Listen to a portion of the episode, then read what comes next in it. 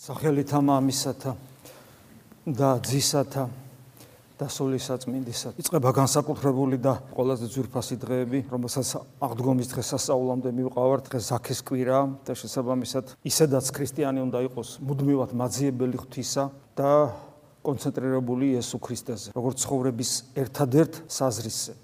უბრალოდ ეს პერიოდი მეტად მოტივირებულს ხვდის სამწუხაროდ ჩვენ ვსწავლობ რომ სულ ქრისტესთან ვიყოთ ეს ჩვენ დაცემული ბუნებიდან გამომდინარე ძალიან გვიჭირს. ამიტომ ამ კონცენტრირებას მაქსიმალურად იძულებას საკუთარ თავზე ვახდენთ პერიოდულად, მაგალითად, როდესაც გონების მიერ ლოცვას აღვავლენთ, როდესაც წირვაზე მოვდივართ, როცა ვეზიარებით. იდეალურ შემთხვევაში მოუკლებლად უნდა გქონდეს უფალთან ერთობის მდგომარეობა. როგორც პავლე მოციქული გვეუბნება, მოუკლებლივი ლოცვიდეთ. მაგრამ აი ესე თანდათანობით ჩვენ ვაჩვევთ საკუთარ თავს დღის განმავლობაში, კვირის განმავლობაში განსაკუთრებულად ესეთი კონცენტრირებული პერიოდებია შეიძლება ასე ითქვას, მათ შორის ის, რასაც ახლა ვაკეთებთ, დგავართ რა მადლიერების ანუ ევქარისტიის სახურებაზე. და ასევე წლის განმავლობაში და წლის განმავლობაში ყველაზე ესეთი განსაკუთრებული პერიოდი ამ ხრივ არის დიდმარხვის პერიოდი, აღდგომის პერიოდი, დიდმარხვის მოსამზადებელი პერიოდი, რომელიც აი დღევანდელი დღიდან იწყება. ზაქესკვირა ახლა მე სიუჟეტს არ მოგიყვებით სახარებისა თქვენ ძალიან კარგად იცით და უნდა იცოდეთ და დღესაც აღმოვიკითხეთ. ეკლესია ცდილობს ჩვენი ცნობიერების გადაწყობას სახარებისეულ სახარებისეულ კონტექსში რომ ჩვენი შინაგანი სამყარო, ჩვენი ცნობიერება მუდამ ეწინააღმდეგება სახარებას ჩვენში დომინანტია პატიმოყარეობა, სიამაყე, ამპარტავნება, ეგოიზმი. ყველაში მინდა გითხრათ, ჩვენში ყველაში ეს დომინანტია და ყველაზე ცუდი ის არის, როდესაც ადამიანი ამას ვერ გზნობს. და მე მინდა გითხრათ, რომ უდიდესი უმრავლესობა უდიდესი უმრავლესობა ამას ვერ გზნობს, მათ შორის აქ მდგომარენი, ეს არის სერიოზული პრობლემა, მუდამ ვლინდება ეს და თქვენ წარმოიდგინეთ ეს იმდენად სერიოზული დაავადება, რომ მიუხედავად ხშირად ვალდებულებისა, რო თქვა, მოძღვარმა შეგაგონოთ და გეუბნებათ და მიგანიშნებთ და მაინც ადამიანი ვერ იგებს, ვერ ისმენს, ეს არის სერიოზული პრობლემა და აი დიდმარხვის პერიოდის მოსამზადებელი პერიოდი ეს წინა პერიოდი არის აი მცდელობა, ეკლესიის მცდელობა ჩვენზე, რომ ჩვენი ცნობიერება გადაეწყოს.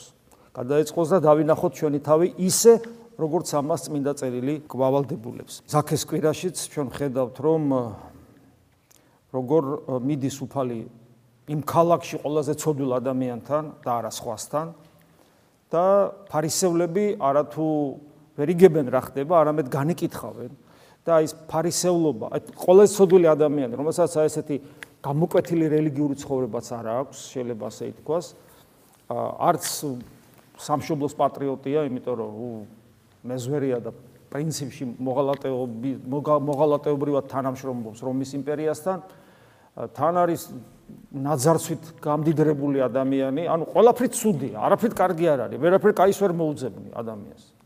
იმ ქალაქში ყველაზე ცუდი ადამიანია, მოდი ასე. და ხდება უცნაური რაღაცა და ყველასგან მოძულებული, ყველა რაღაც ამრეზით უყურებს. და ეს ვინც მას ამრეზით უყურებს, ვინ არიან? ესენი არიან ზნეობრივი სამშობლოს მოყვარულები, პატრიოტები, რელიგიურები, ქველმოქმედნი. ეს შეგნებულად აკეთებს წმინდა წერილი ამას. წმინდა წერილი რას აკეთებს? რასაც უფალი აკეთებს, წმინდა წერილი მას გადმოგცემს.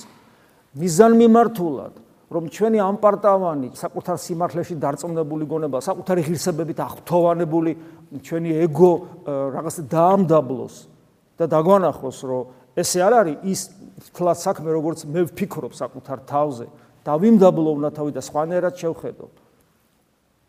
იმიტომ რომ დღესაც სახარებაში წავიკითხეთ, რომ ვისთვის მოვიდა ქრისტე? მოვიდა ზეკაცისა მოძიება წარწმედულისა. ქრისტე მოვიდა მოძიება წარწმედულისა.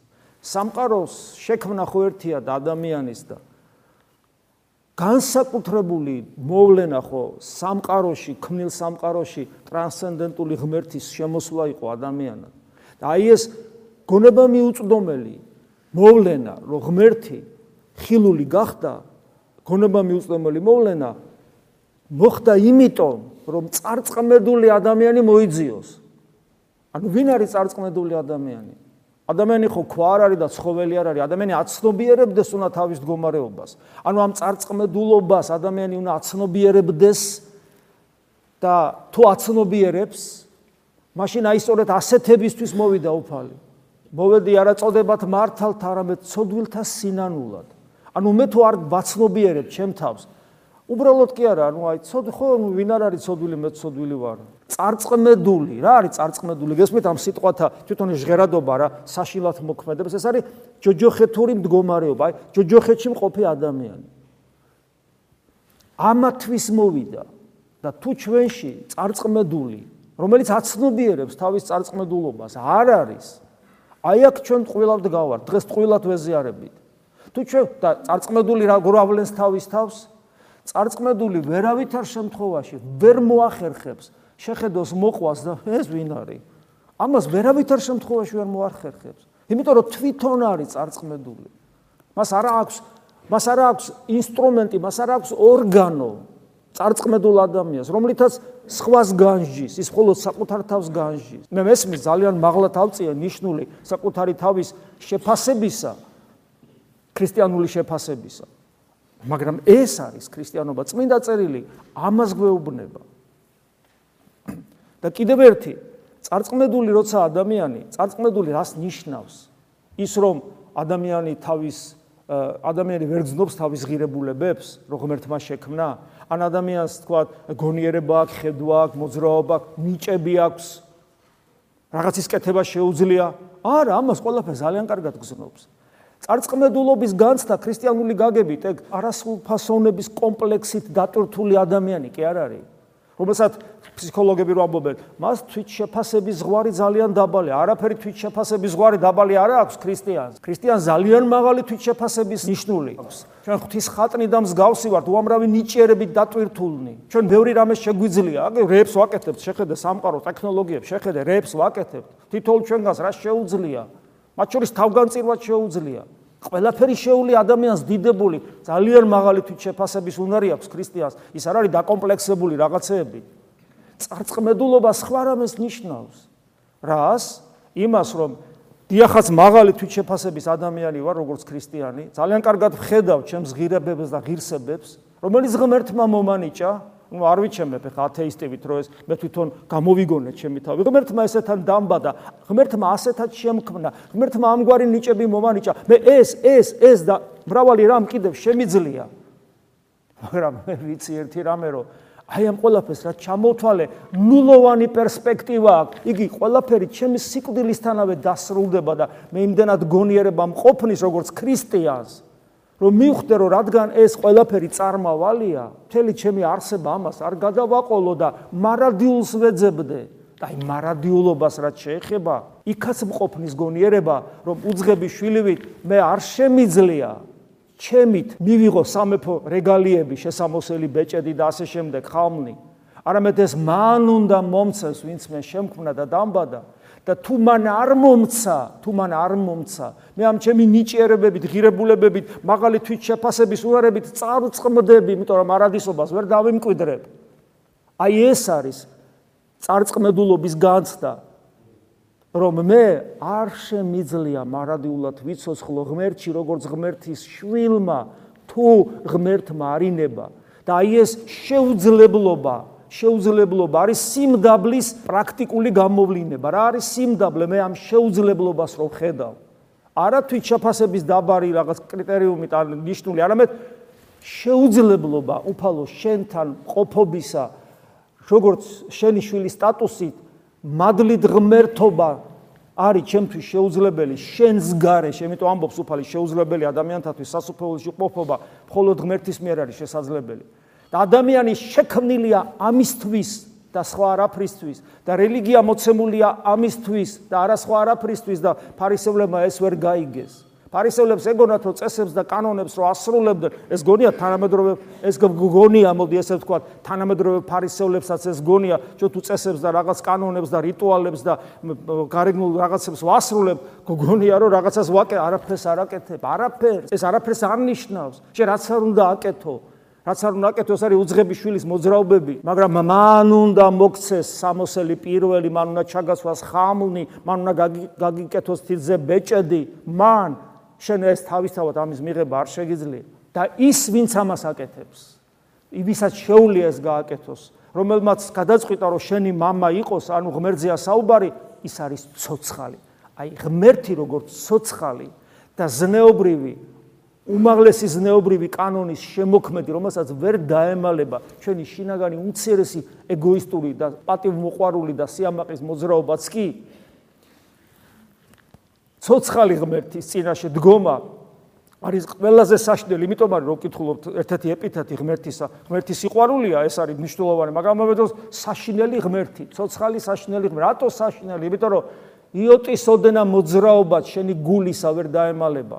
ჩვენ ვერ ხედავთ ჩვენი გულის მოძრაობებს ის როცა გარეგნულად ვლინდება რაღაცაში, მაშინ კიდე რაღაცას ხედავთ, მაგრამ შეგნით რა ხდება? ჩვენ ამას ძალიან ძნელად ხედავთ.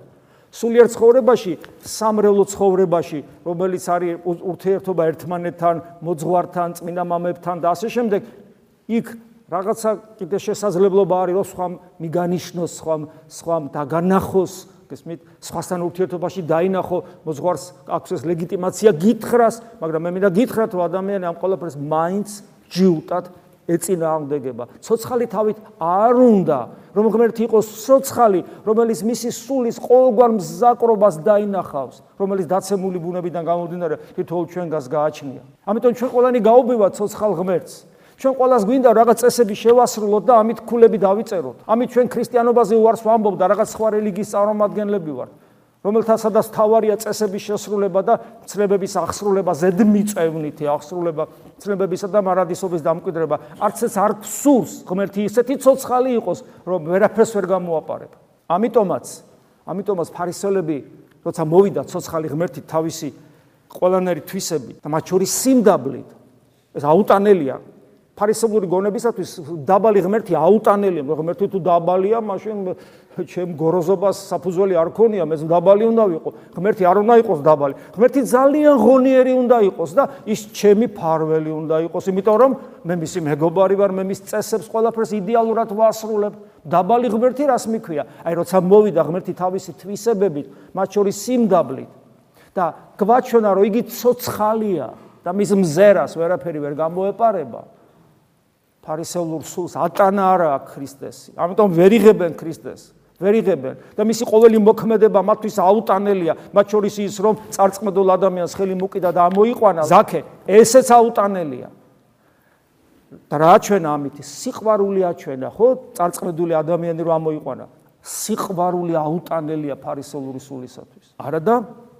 ჩვენ ზუსტად აქ ამისთვის ვართ. და აი დღეს ტიმოთეს მიმართ ეპისტოლეში პავლე მოციქული ტიმოთეს ელაპარაკება როგორც მღვდელს. მაგრამ ჩვენ რადგან და ეს რა თქმა უნდა პირდაპირ ჩვენთვის ერთგვარი ინსტრუქციაა ტიმოთეს და ტიტეს მიმართ ეპისტოლეები ერთგვარი ინსტრუქციაა მღვდლებისათვის ჩვენთვის მღვდლების სამღვდელო დასისათვის ეპისკოპოსებისათვის მღვდლებისათვის. პირდაპირ ინსტრუქციაა თუ როგორ უნდა ვიმღვდელოთ მაგრამ ეს ასევე პირდაპირ ინსტრუქცია თქვენთვისაც ერის ადამიანისათვის, იმიტომ რომ ერის ადამიანის მღვდელია რატომ? ამაზე ხშირად ვამბობ, ერთი წმინდა წერილი პირდაპირ გვეუბნება, რომ თქვენს მღვდლები ხართ. და მეორე, სამღვდელო დაში, ოღონ დაბალი იერარქიაში. ეპისკოპოსი, მღვდელი, დიაკონი და მრევლის წევრი. მრევლის წევრი არ არის ერის ადამიანი, რომელსაც ეკლესიასთან კავშირი არ აქვს. ისიც სამღვდელო დაშია. ამას წმინდა წერილი პირდაპირ გვეუბნება, ვინც კითხულობდა, იმედია კითხულობთ, თქვენ სამღვდელო დასი ხართ. ეგ ერთი და მეორე.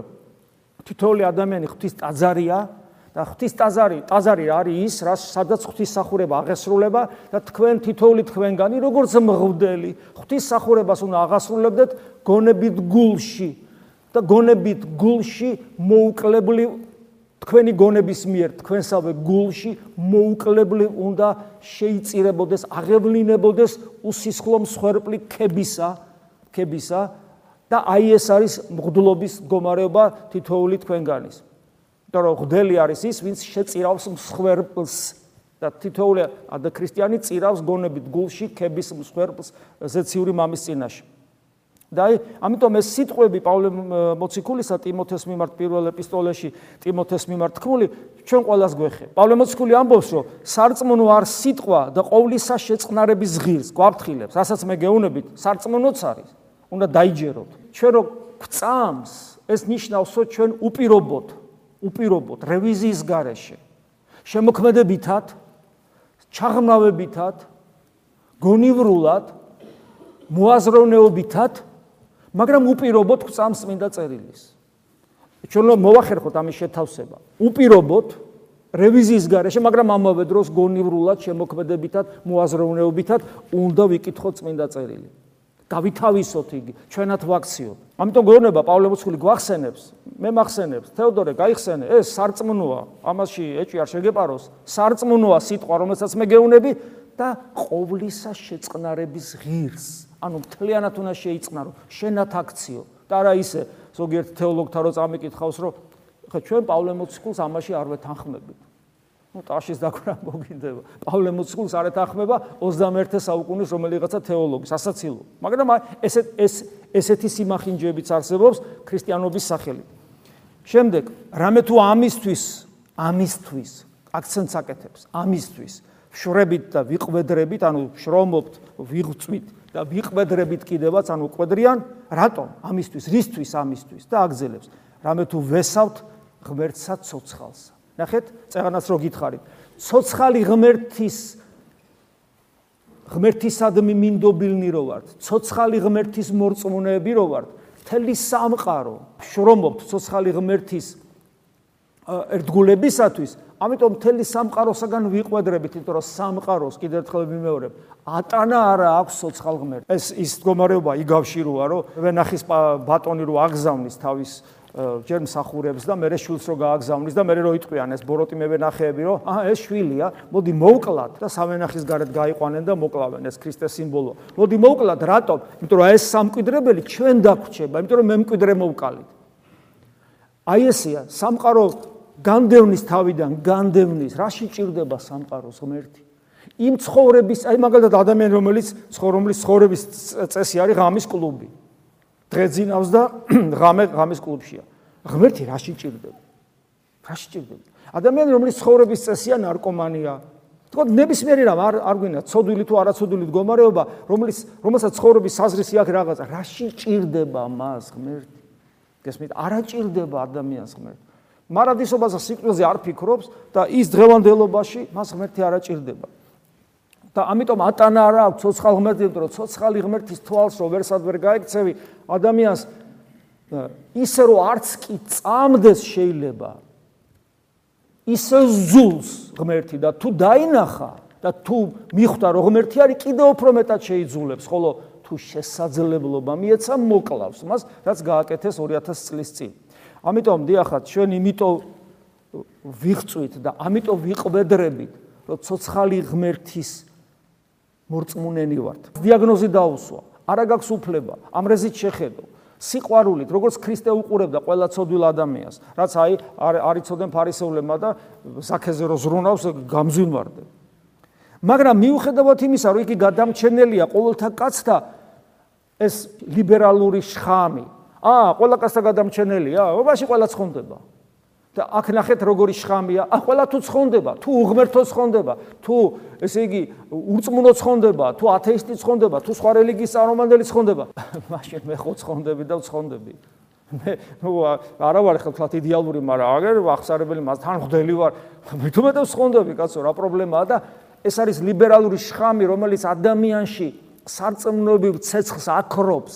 სულის დუღარებას აკრობს, მოუკლებელოცვას აკრობს, იმიტომ რომ თუ ყველა ცხონდება, გესმით? თუ ყველას გადამრჩენელია და ყველა ცხონდება, აბა მაშინ მე რა პრობლემა მაქვს?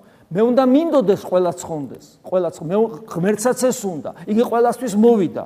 მაგრამ აი აქ კიდევ ვიმეორებ, რობარ დემონური შხამი რო არ შემოვიდეს, აა, ყველასთვის მოვიდა, ესე ყველა ცხონდება, მე ცხონდები. ამიტომ პავლე მოციქული იქვე გეუნება. მართალია ეს მაცხოვარია ყოველთა კაც და უფრო ზღამორწმუნეთ. ანუ ყველასთვის მოვიდა, მაგრამ ის გადამრჩენელი სინამდვილეში არის მორწმუნეთ, ანუ თუ არ ირწმუნე და თუ რწმენის შესაბამის არ რწმენა საქმის გარეშე მკვდარია, როგორც მოციქული იაკობი გვასწავლის, თუ არ ირწმუნე მაშინ შენი გადამრჩენელი არ არის, შენ უნდა ირწმუნო, ირწმუნო, მისი ნების აღსრულებელი გახდე.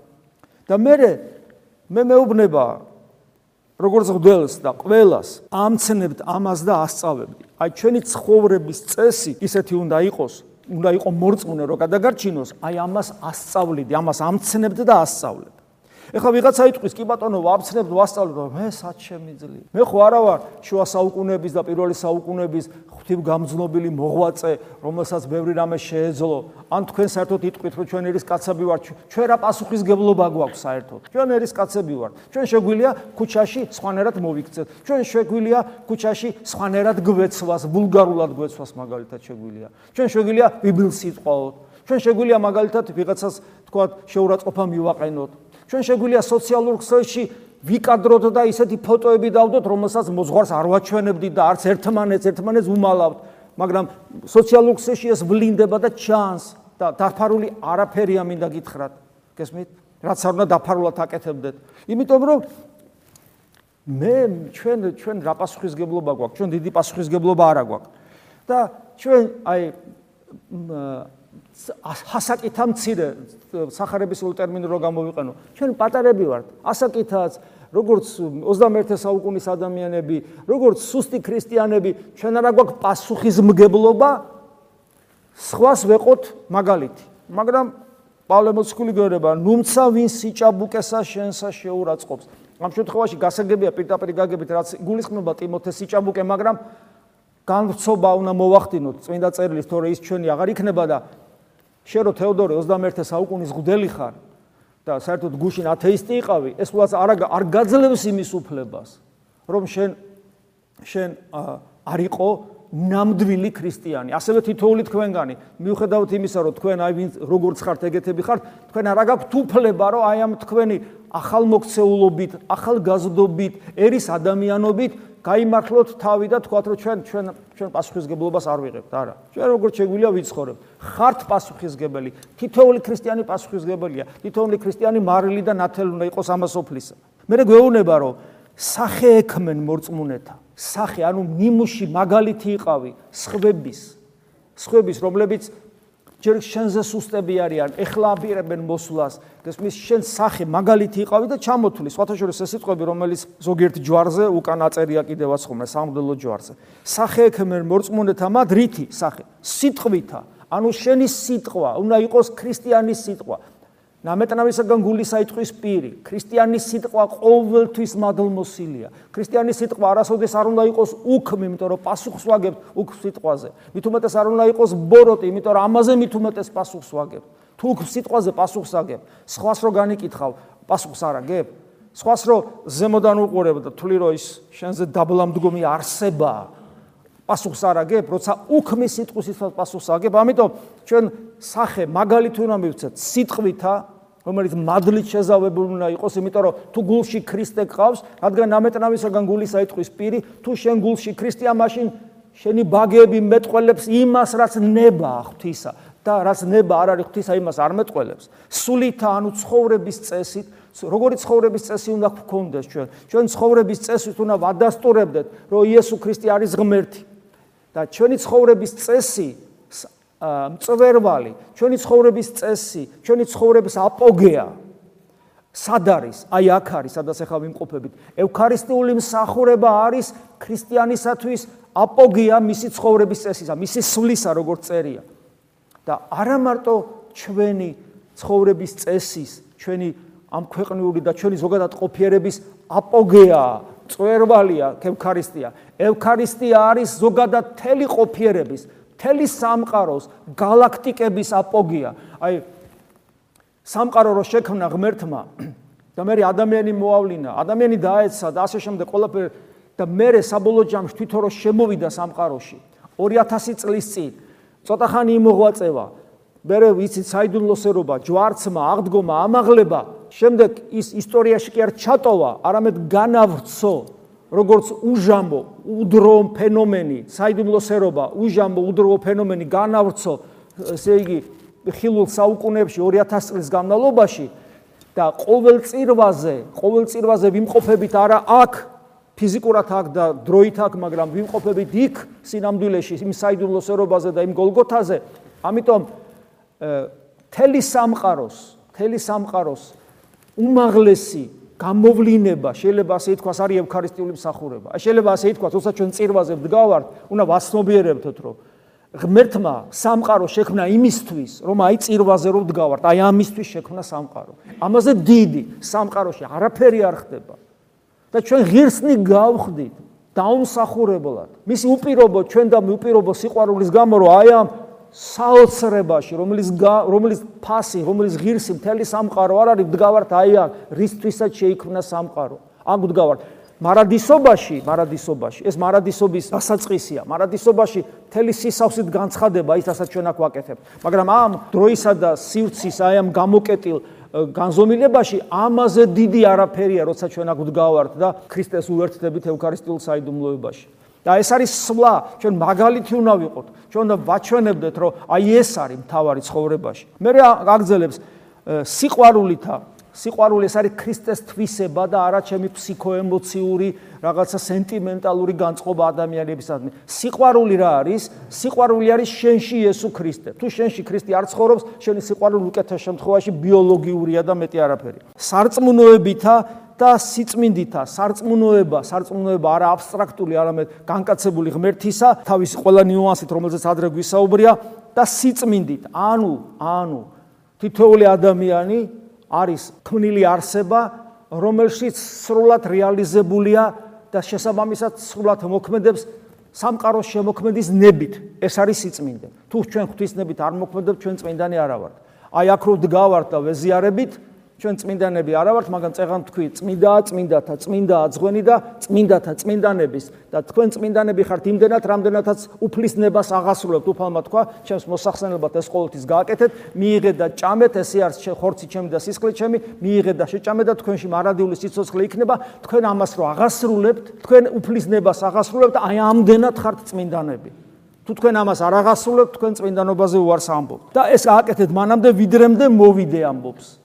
ანუ სამყაროს აღსასრულამდე ან ჩვენ ღვთის წინაშე წარდგომამდე, ანუ ჩვენ გარდაცვალებამდე. მე პრაქტიკულ რჩევებს გვაძლევთ. ეგრძალე საკითხავს, ანუ გამოდმებით იკითხე. ეს არის ერთ-ერთი უდიდესი სათნოება და ძალიან სუხტები ახალმოსულები რომოდიან ჩემთან საუბარზე ახსარებაზე, წლებია ცხოვრობს, არ კითხულობს, არ სახარებას არ წმინდა მამებს, ვინც წმინდა წერილს ყოველდღიურად არ კითხულობს, თუნდაც ხუთი წუთი. ვინც წმინდა მამებს არ კითხულობს ყოველდღიურად, ის არ არის ქრისტიანი ამ სიტყვის ნამდვილი გაგებით. შეუძლებელი ადამიანს უყვარდეს იესო ქრისტე და არ აინტერესებდეს როგორ იპოვოს იგი. და წმინდა მამები და წმინდა წერილი გვაჩვენებენ გზას როგორ იპოვოთ იესო ქრისტე. ამიტომ ხაზგასმით ამბობ, გამუდმებით იკითხე. გამუდმები. ასევე ნუგეშინის ცემასა და მოძღრებას, ანუ შესაბამისად შენ რო კითხულობ და შენი ცნობიერება რო იძერწება წმინდა წერილით, შენ მე უკვე სხვა შეგილია ნუგეშის ცე და მოძღრებასა და მოძღრულ კიდევაც. ანუ შენ უკვე გაქვს შესაძლებლობა რომ სხვებისთვის მაგალითი იყო. ნუდებ ყოფ რომელი ეგე შენთან არის მადლი რომელი მოგეცა შენ წინასწარმეტყველებით და დასხმითა ხელთა ხუცობისა. აქ ლაპარაკია მღდლობის ხელდასხმაზე, რომელიც წინასწარმეტყველებით, ანუ ღვთის განგებით, ღვთის ნებით ვიცით, რომ ხელდასხმის შედეგად მოციქულთა მადლი გადაეცემა თაობიდან თაობაზე. მაგრამ აქაც ერის კაცის ერის კაცის მდგომარეობას მნიშვნელოვანია. თითოეული ერის ადამიანი მირონცხებულია და მინდა გითხრათ, რომ მირონცხებულობა იგივე ხელდასხმაა. იმიტომ რომ ადრე ქრისტიანზე ხდებოდა ხელდასხმა, როგორც დღეს მღვდელზე ხდება. უბრალოდ ძალიან რო გამრავლდნენ ქრისტიანები, მე მღვდლებმა ცალკე აკურთხეს მირონი და იმიტომ რომ შეუძლებელია იმდენი ადამიანი ინათლება. შესაბამისად, იმდენი ადამიანი ინათლებოდა, განცალკევებულად ტარდებოდა ნათლობა და მირონცხება. ამიტომ მირონცხებული ადამიანი ხელდასხმულია და რადგან ხელდასხმულია თითოეული ქრისტიანი, მღვდელის და ერის ადამიანის, ამიტომ იგი განსაკუთრებულ მადლს ატარებს და გვეუბნება: ნუ უდებ ხყოფ რომელი ეგე შენთან არის მადლი. თითოეულ თქვენგანში არის საფრთხო მადლი სული წმინდისა და მისი უგულებელს ყოფა არ შეიძლება. ესეთი ტონი აქვს პავლე მოციქულს რა იმპერატიული ნუდებ ყოფ. ნუ, ნუ არ შეიძლება ეს ყოველთვის გახსოვდეს და ამას იწურთიდით და ამაშინა იყავ, ანუ ამას ამაში შრომობდე, ამაში იხვწოდე, მაშინა იყა და წარმატებულება ეგე შელიცხად იყოს ყოველსა შინა. თუ ადამიანი სწორად ცხოვრობს, მისი წარმატებულობა ყველასთვის სადი ხდება, იგი ემსგავსება სანთელს, მაგიდაზე დანთებულს, ქალაქს, ფთისწორზე აშენებულს და ნათელს და მარილს ამას ოფლისა. და ეს ისე კი არა, რომ ვიღაცას ვიღაცას უნდა და ვიღაცას არ უნდა. ეს არის ვალდებულება. შენში არსებული მადლი უნდა გამრავლდეს და მაშინ შენი წარმატებულობა ყველას წინაშე თვალსაჩინო იქნება. და მაგალითი იქნების ხვებისთვის და ხვებსაც მოუნდებათ რომ სულიერი ცხოვრებით იცხოვროს. თქვენ გახდებით დამოწმებელი ქრისტეს ღმერთობისა. ეგზალე თავსა შენსა და მოძღვრებასა და დაადგერ მათზე და ანუ გაოფრთხილდი შენ თავსას და იმ მოძღვრებას რომელსაც ატარებ, იმიტომ რომ ამ სოფელში მოამრავი საცდურია, რამე თუ ამას რა ყოფდე, თავიცა შენი აცხოვნო და მორჩილნიცა შენი.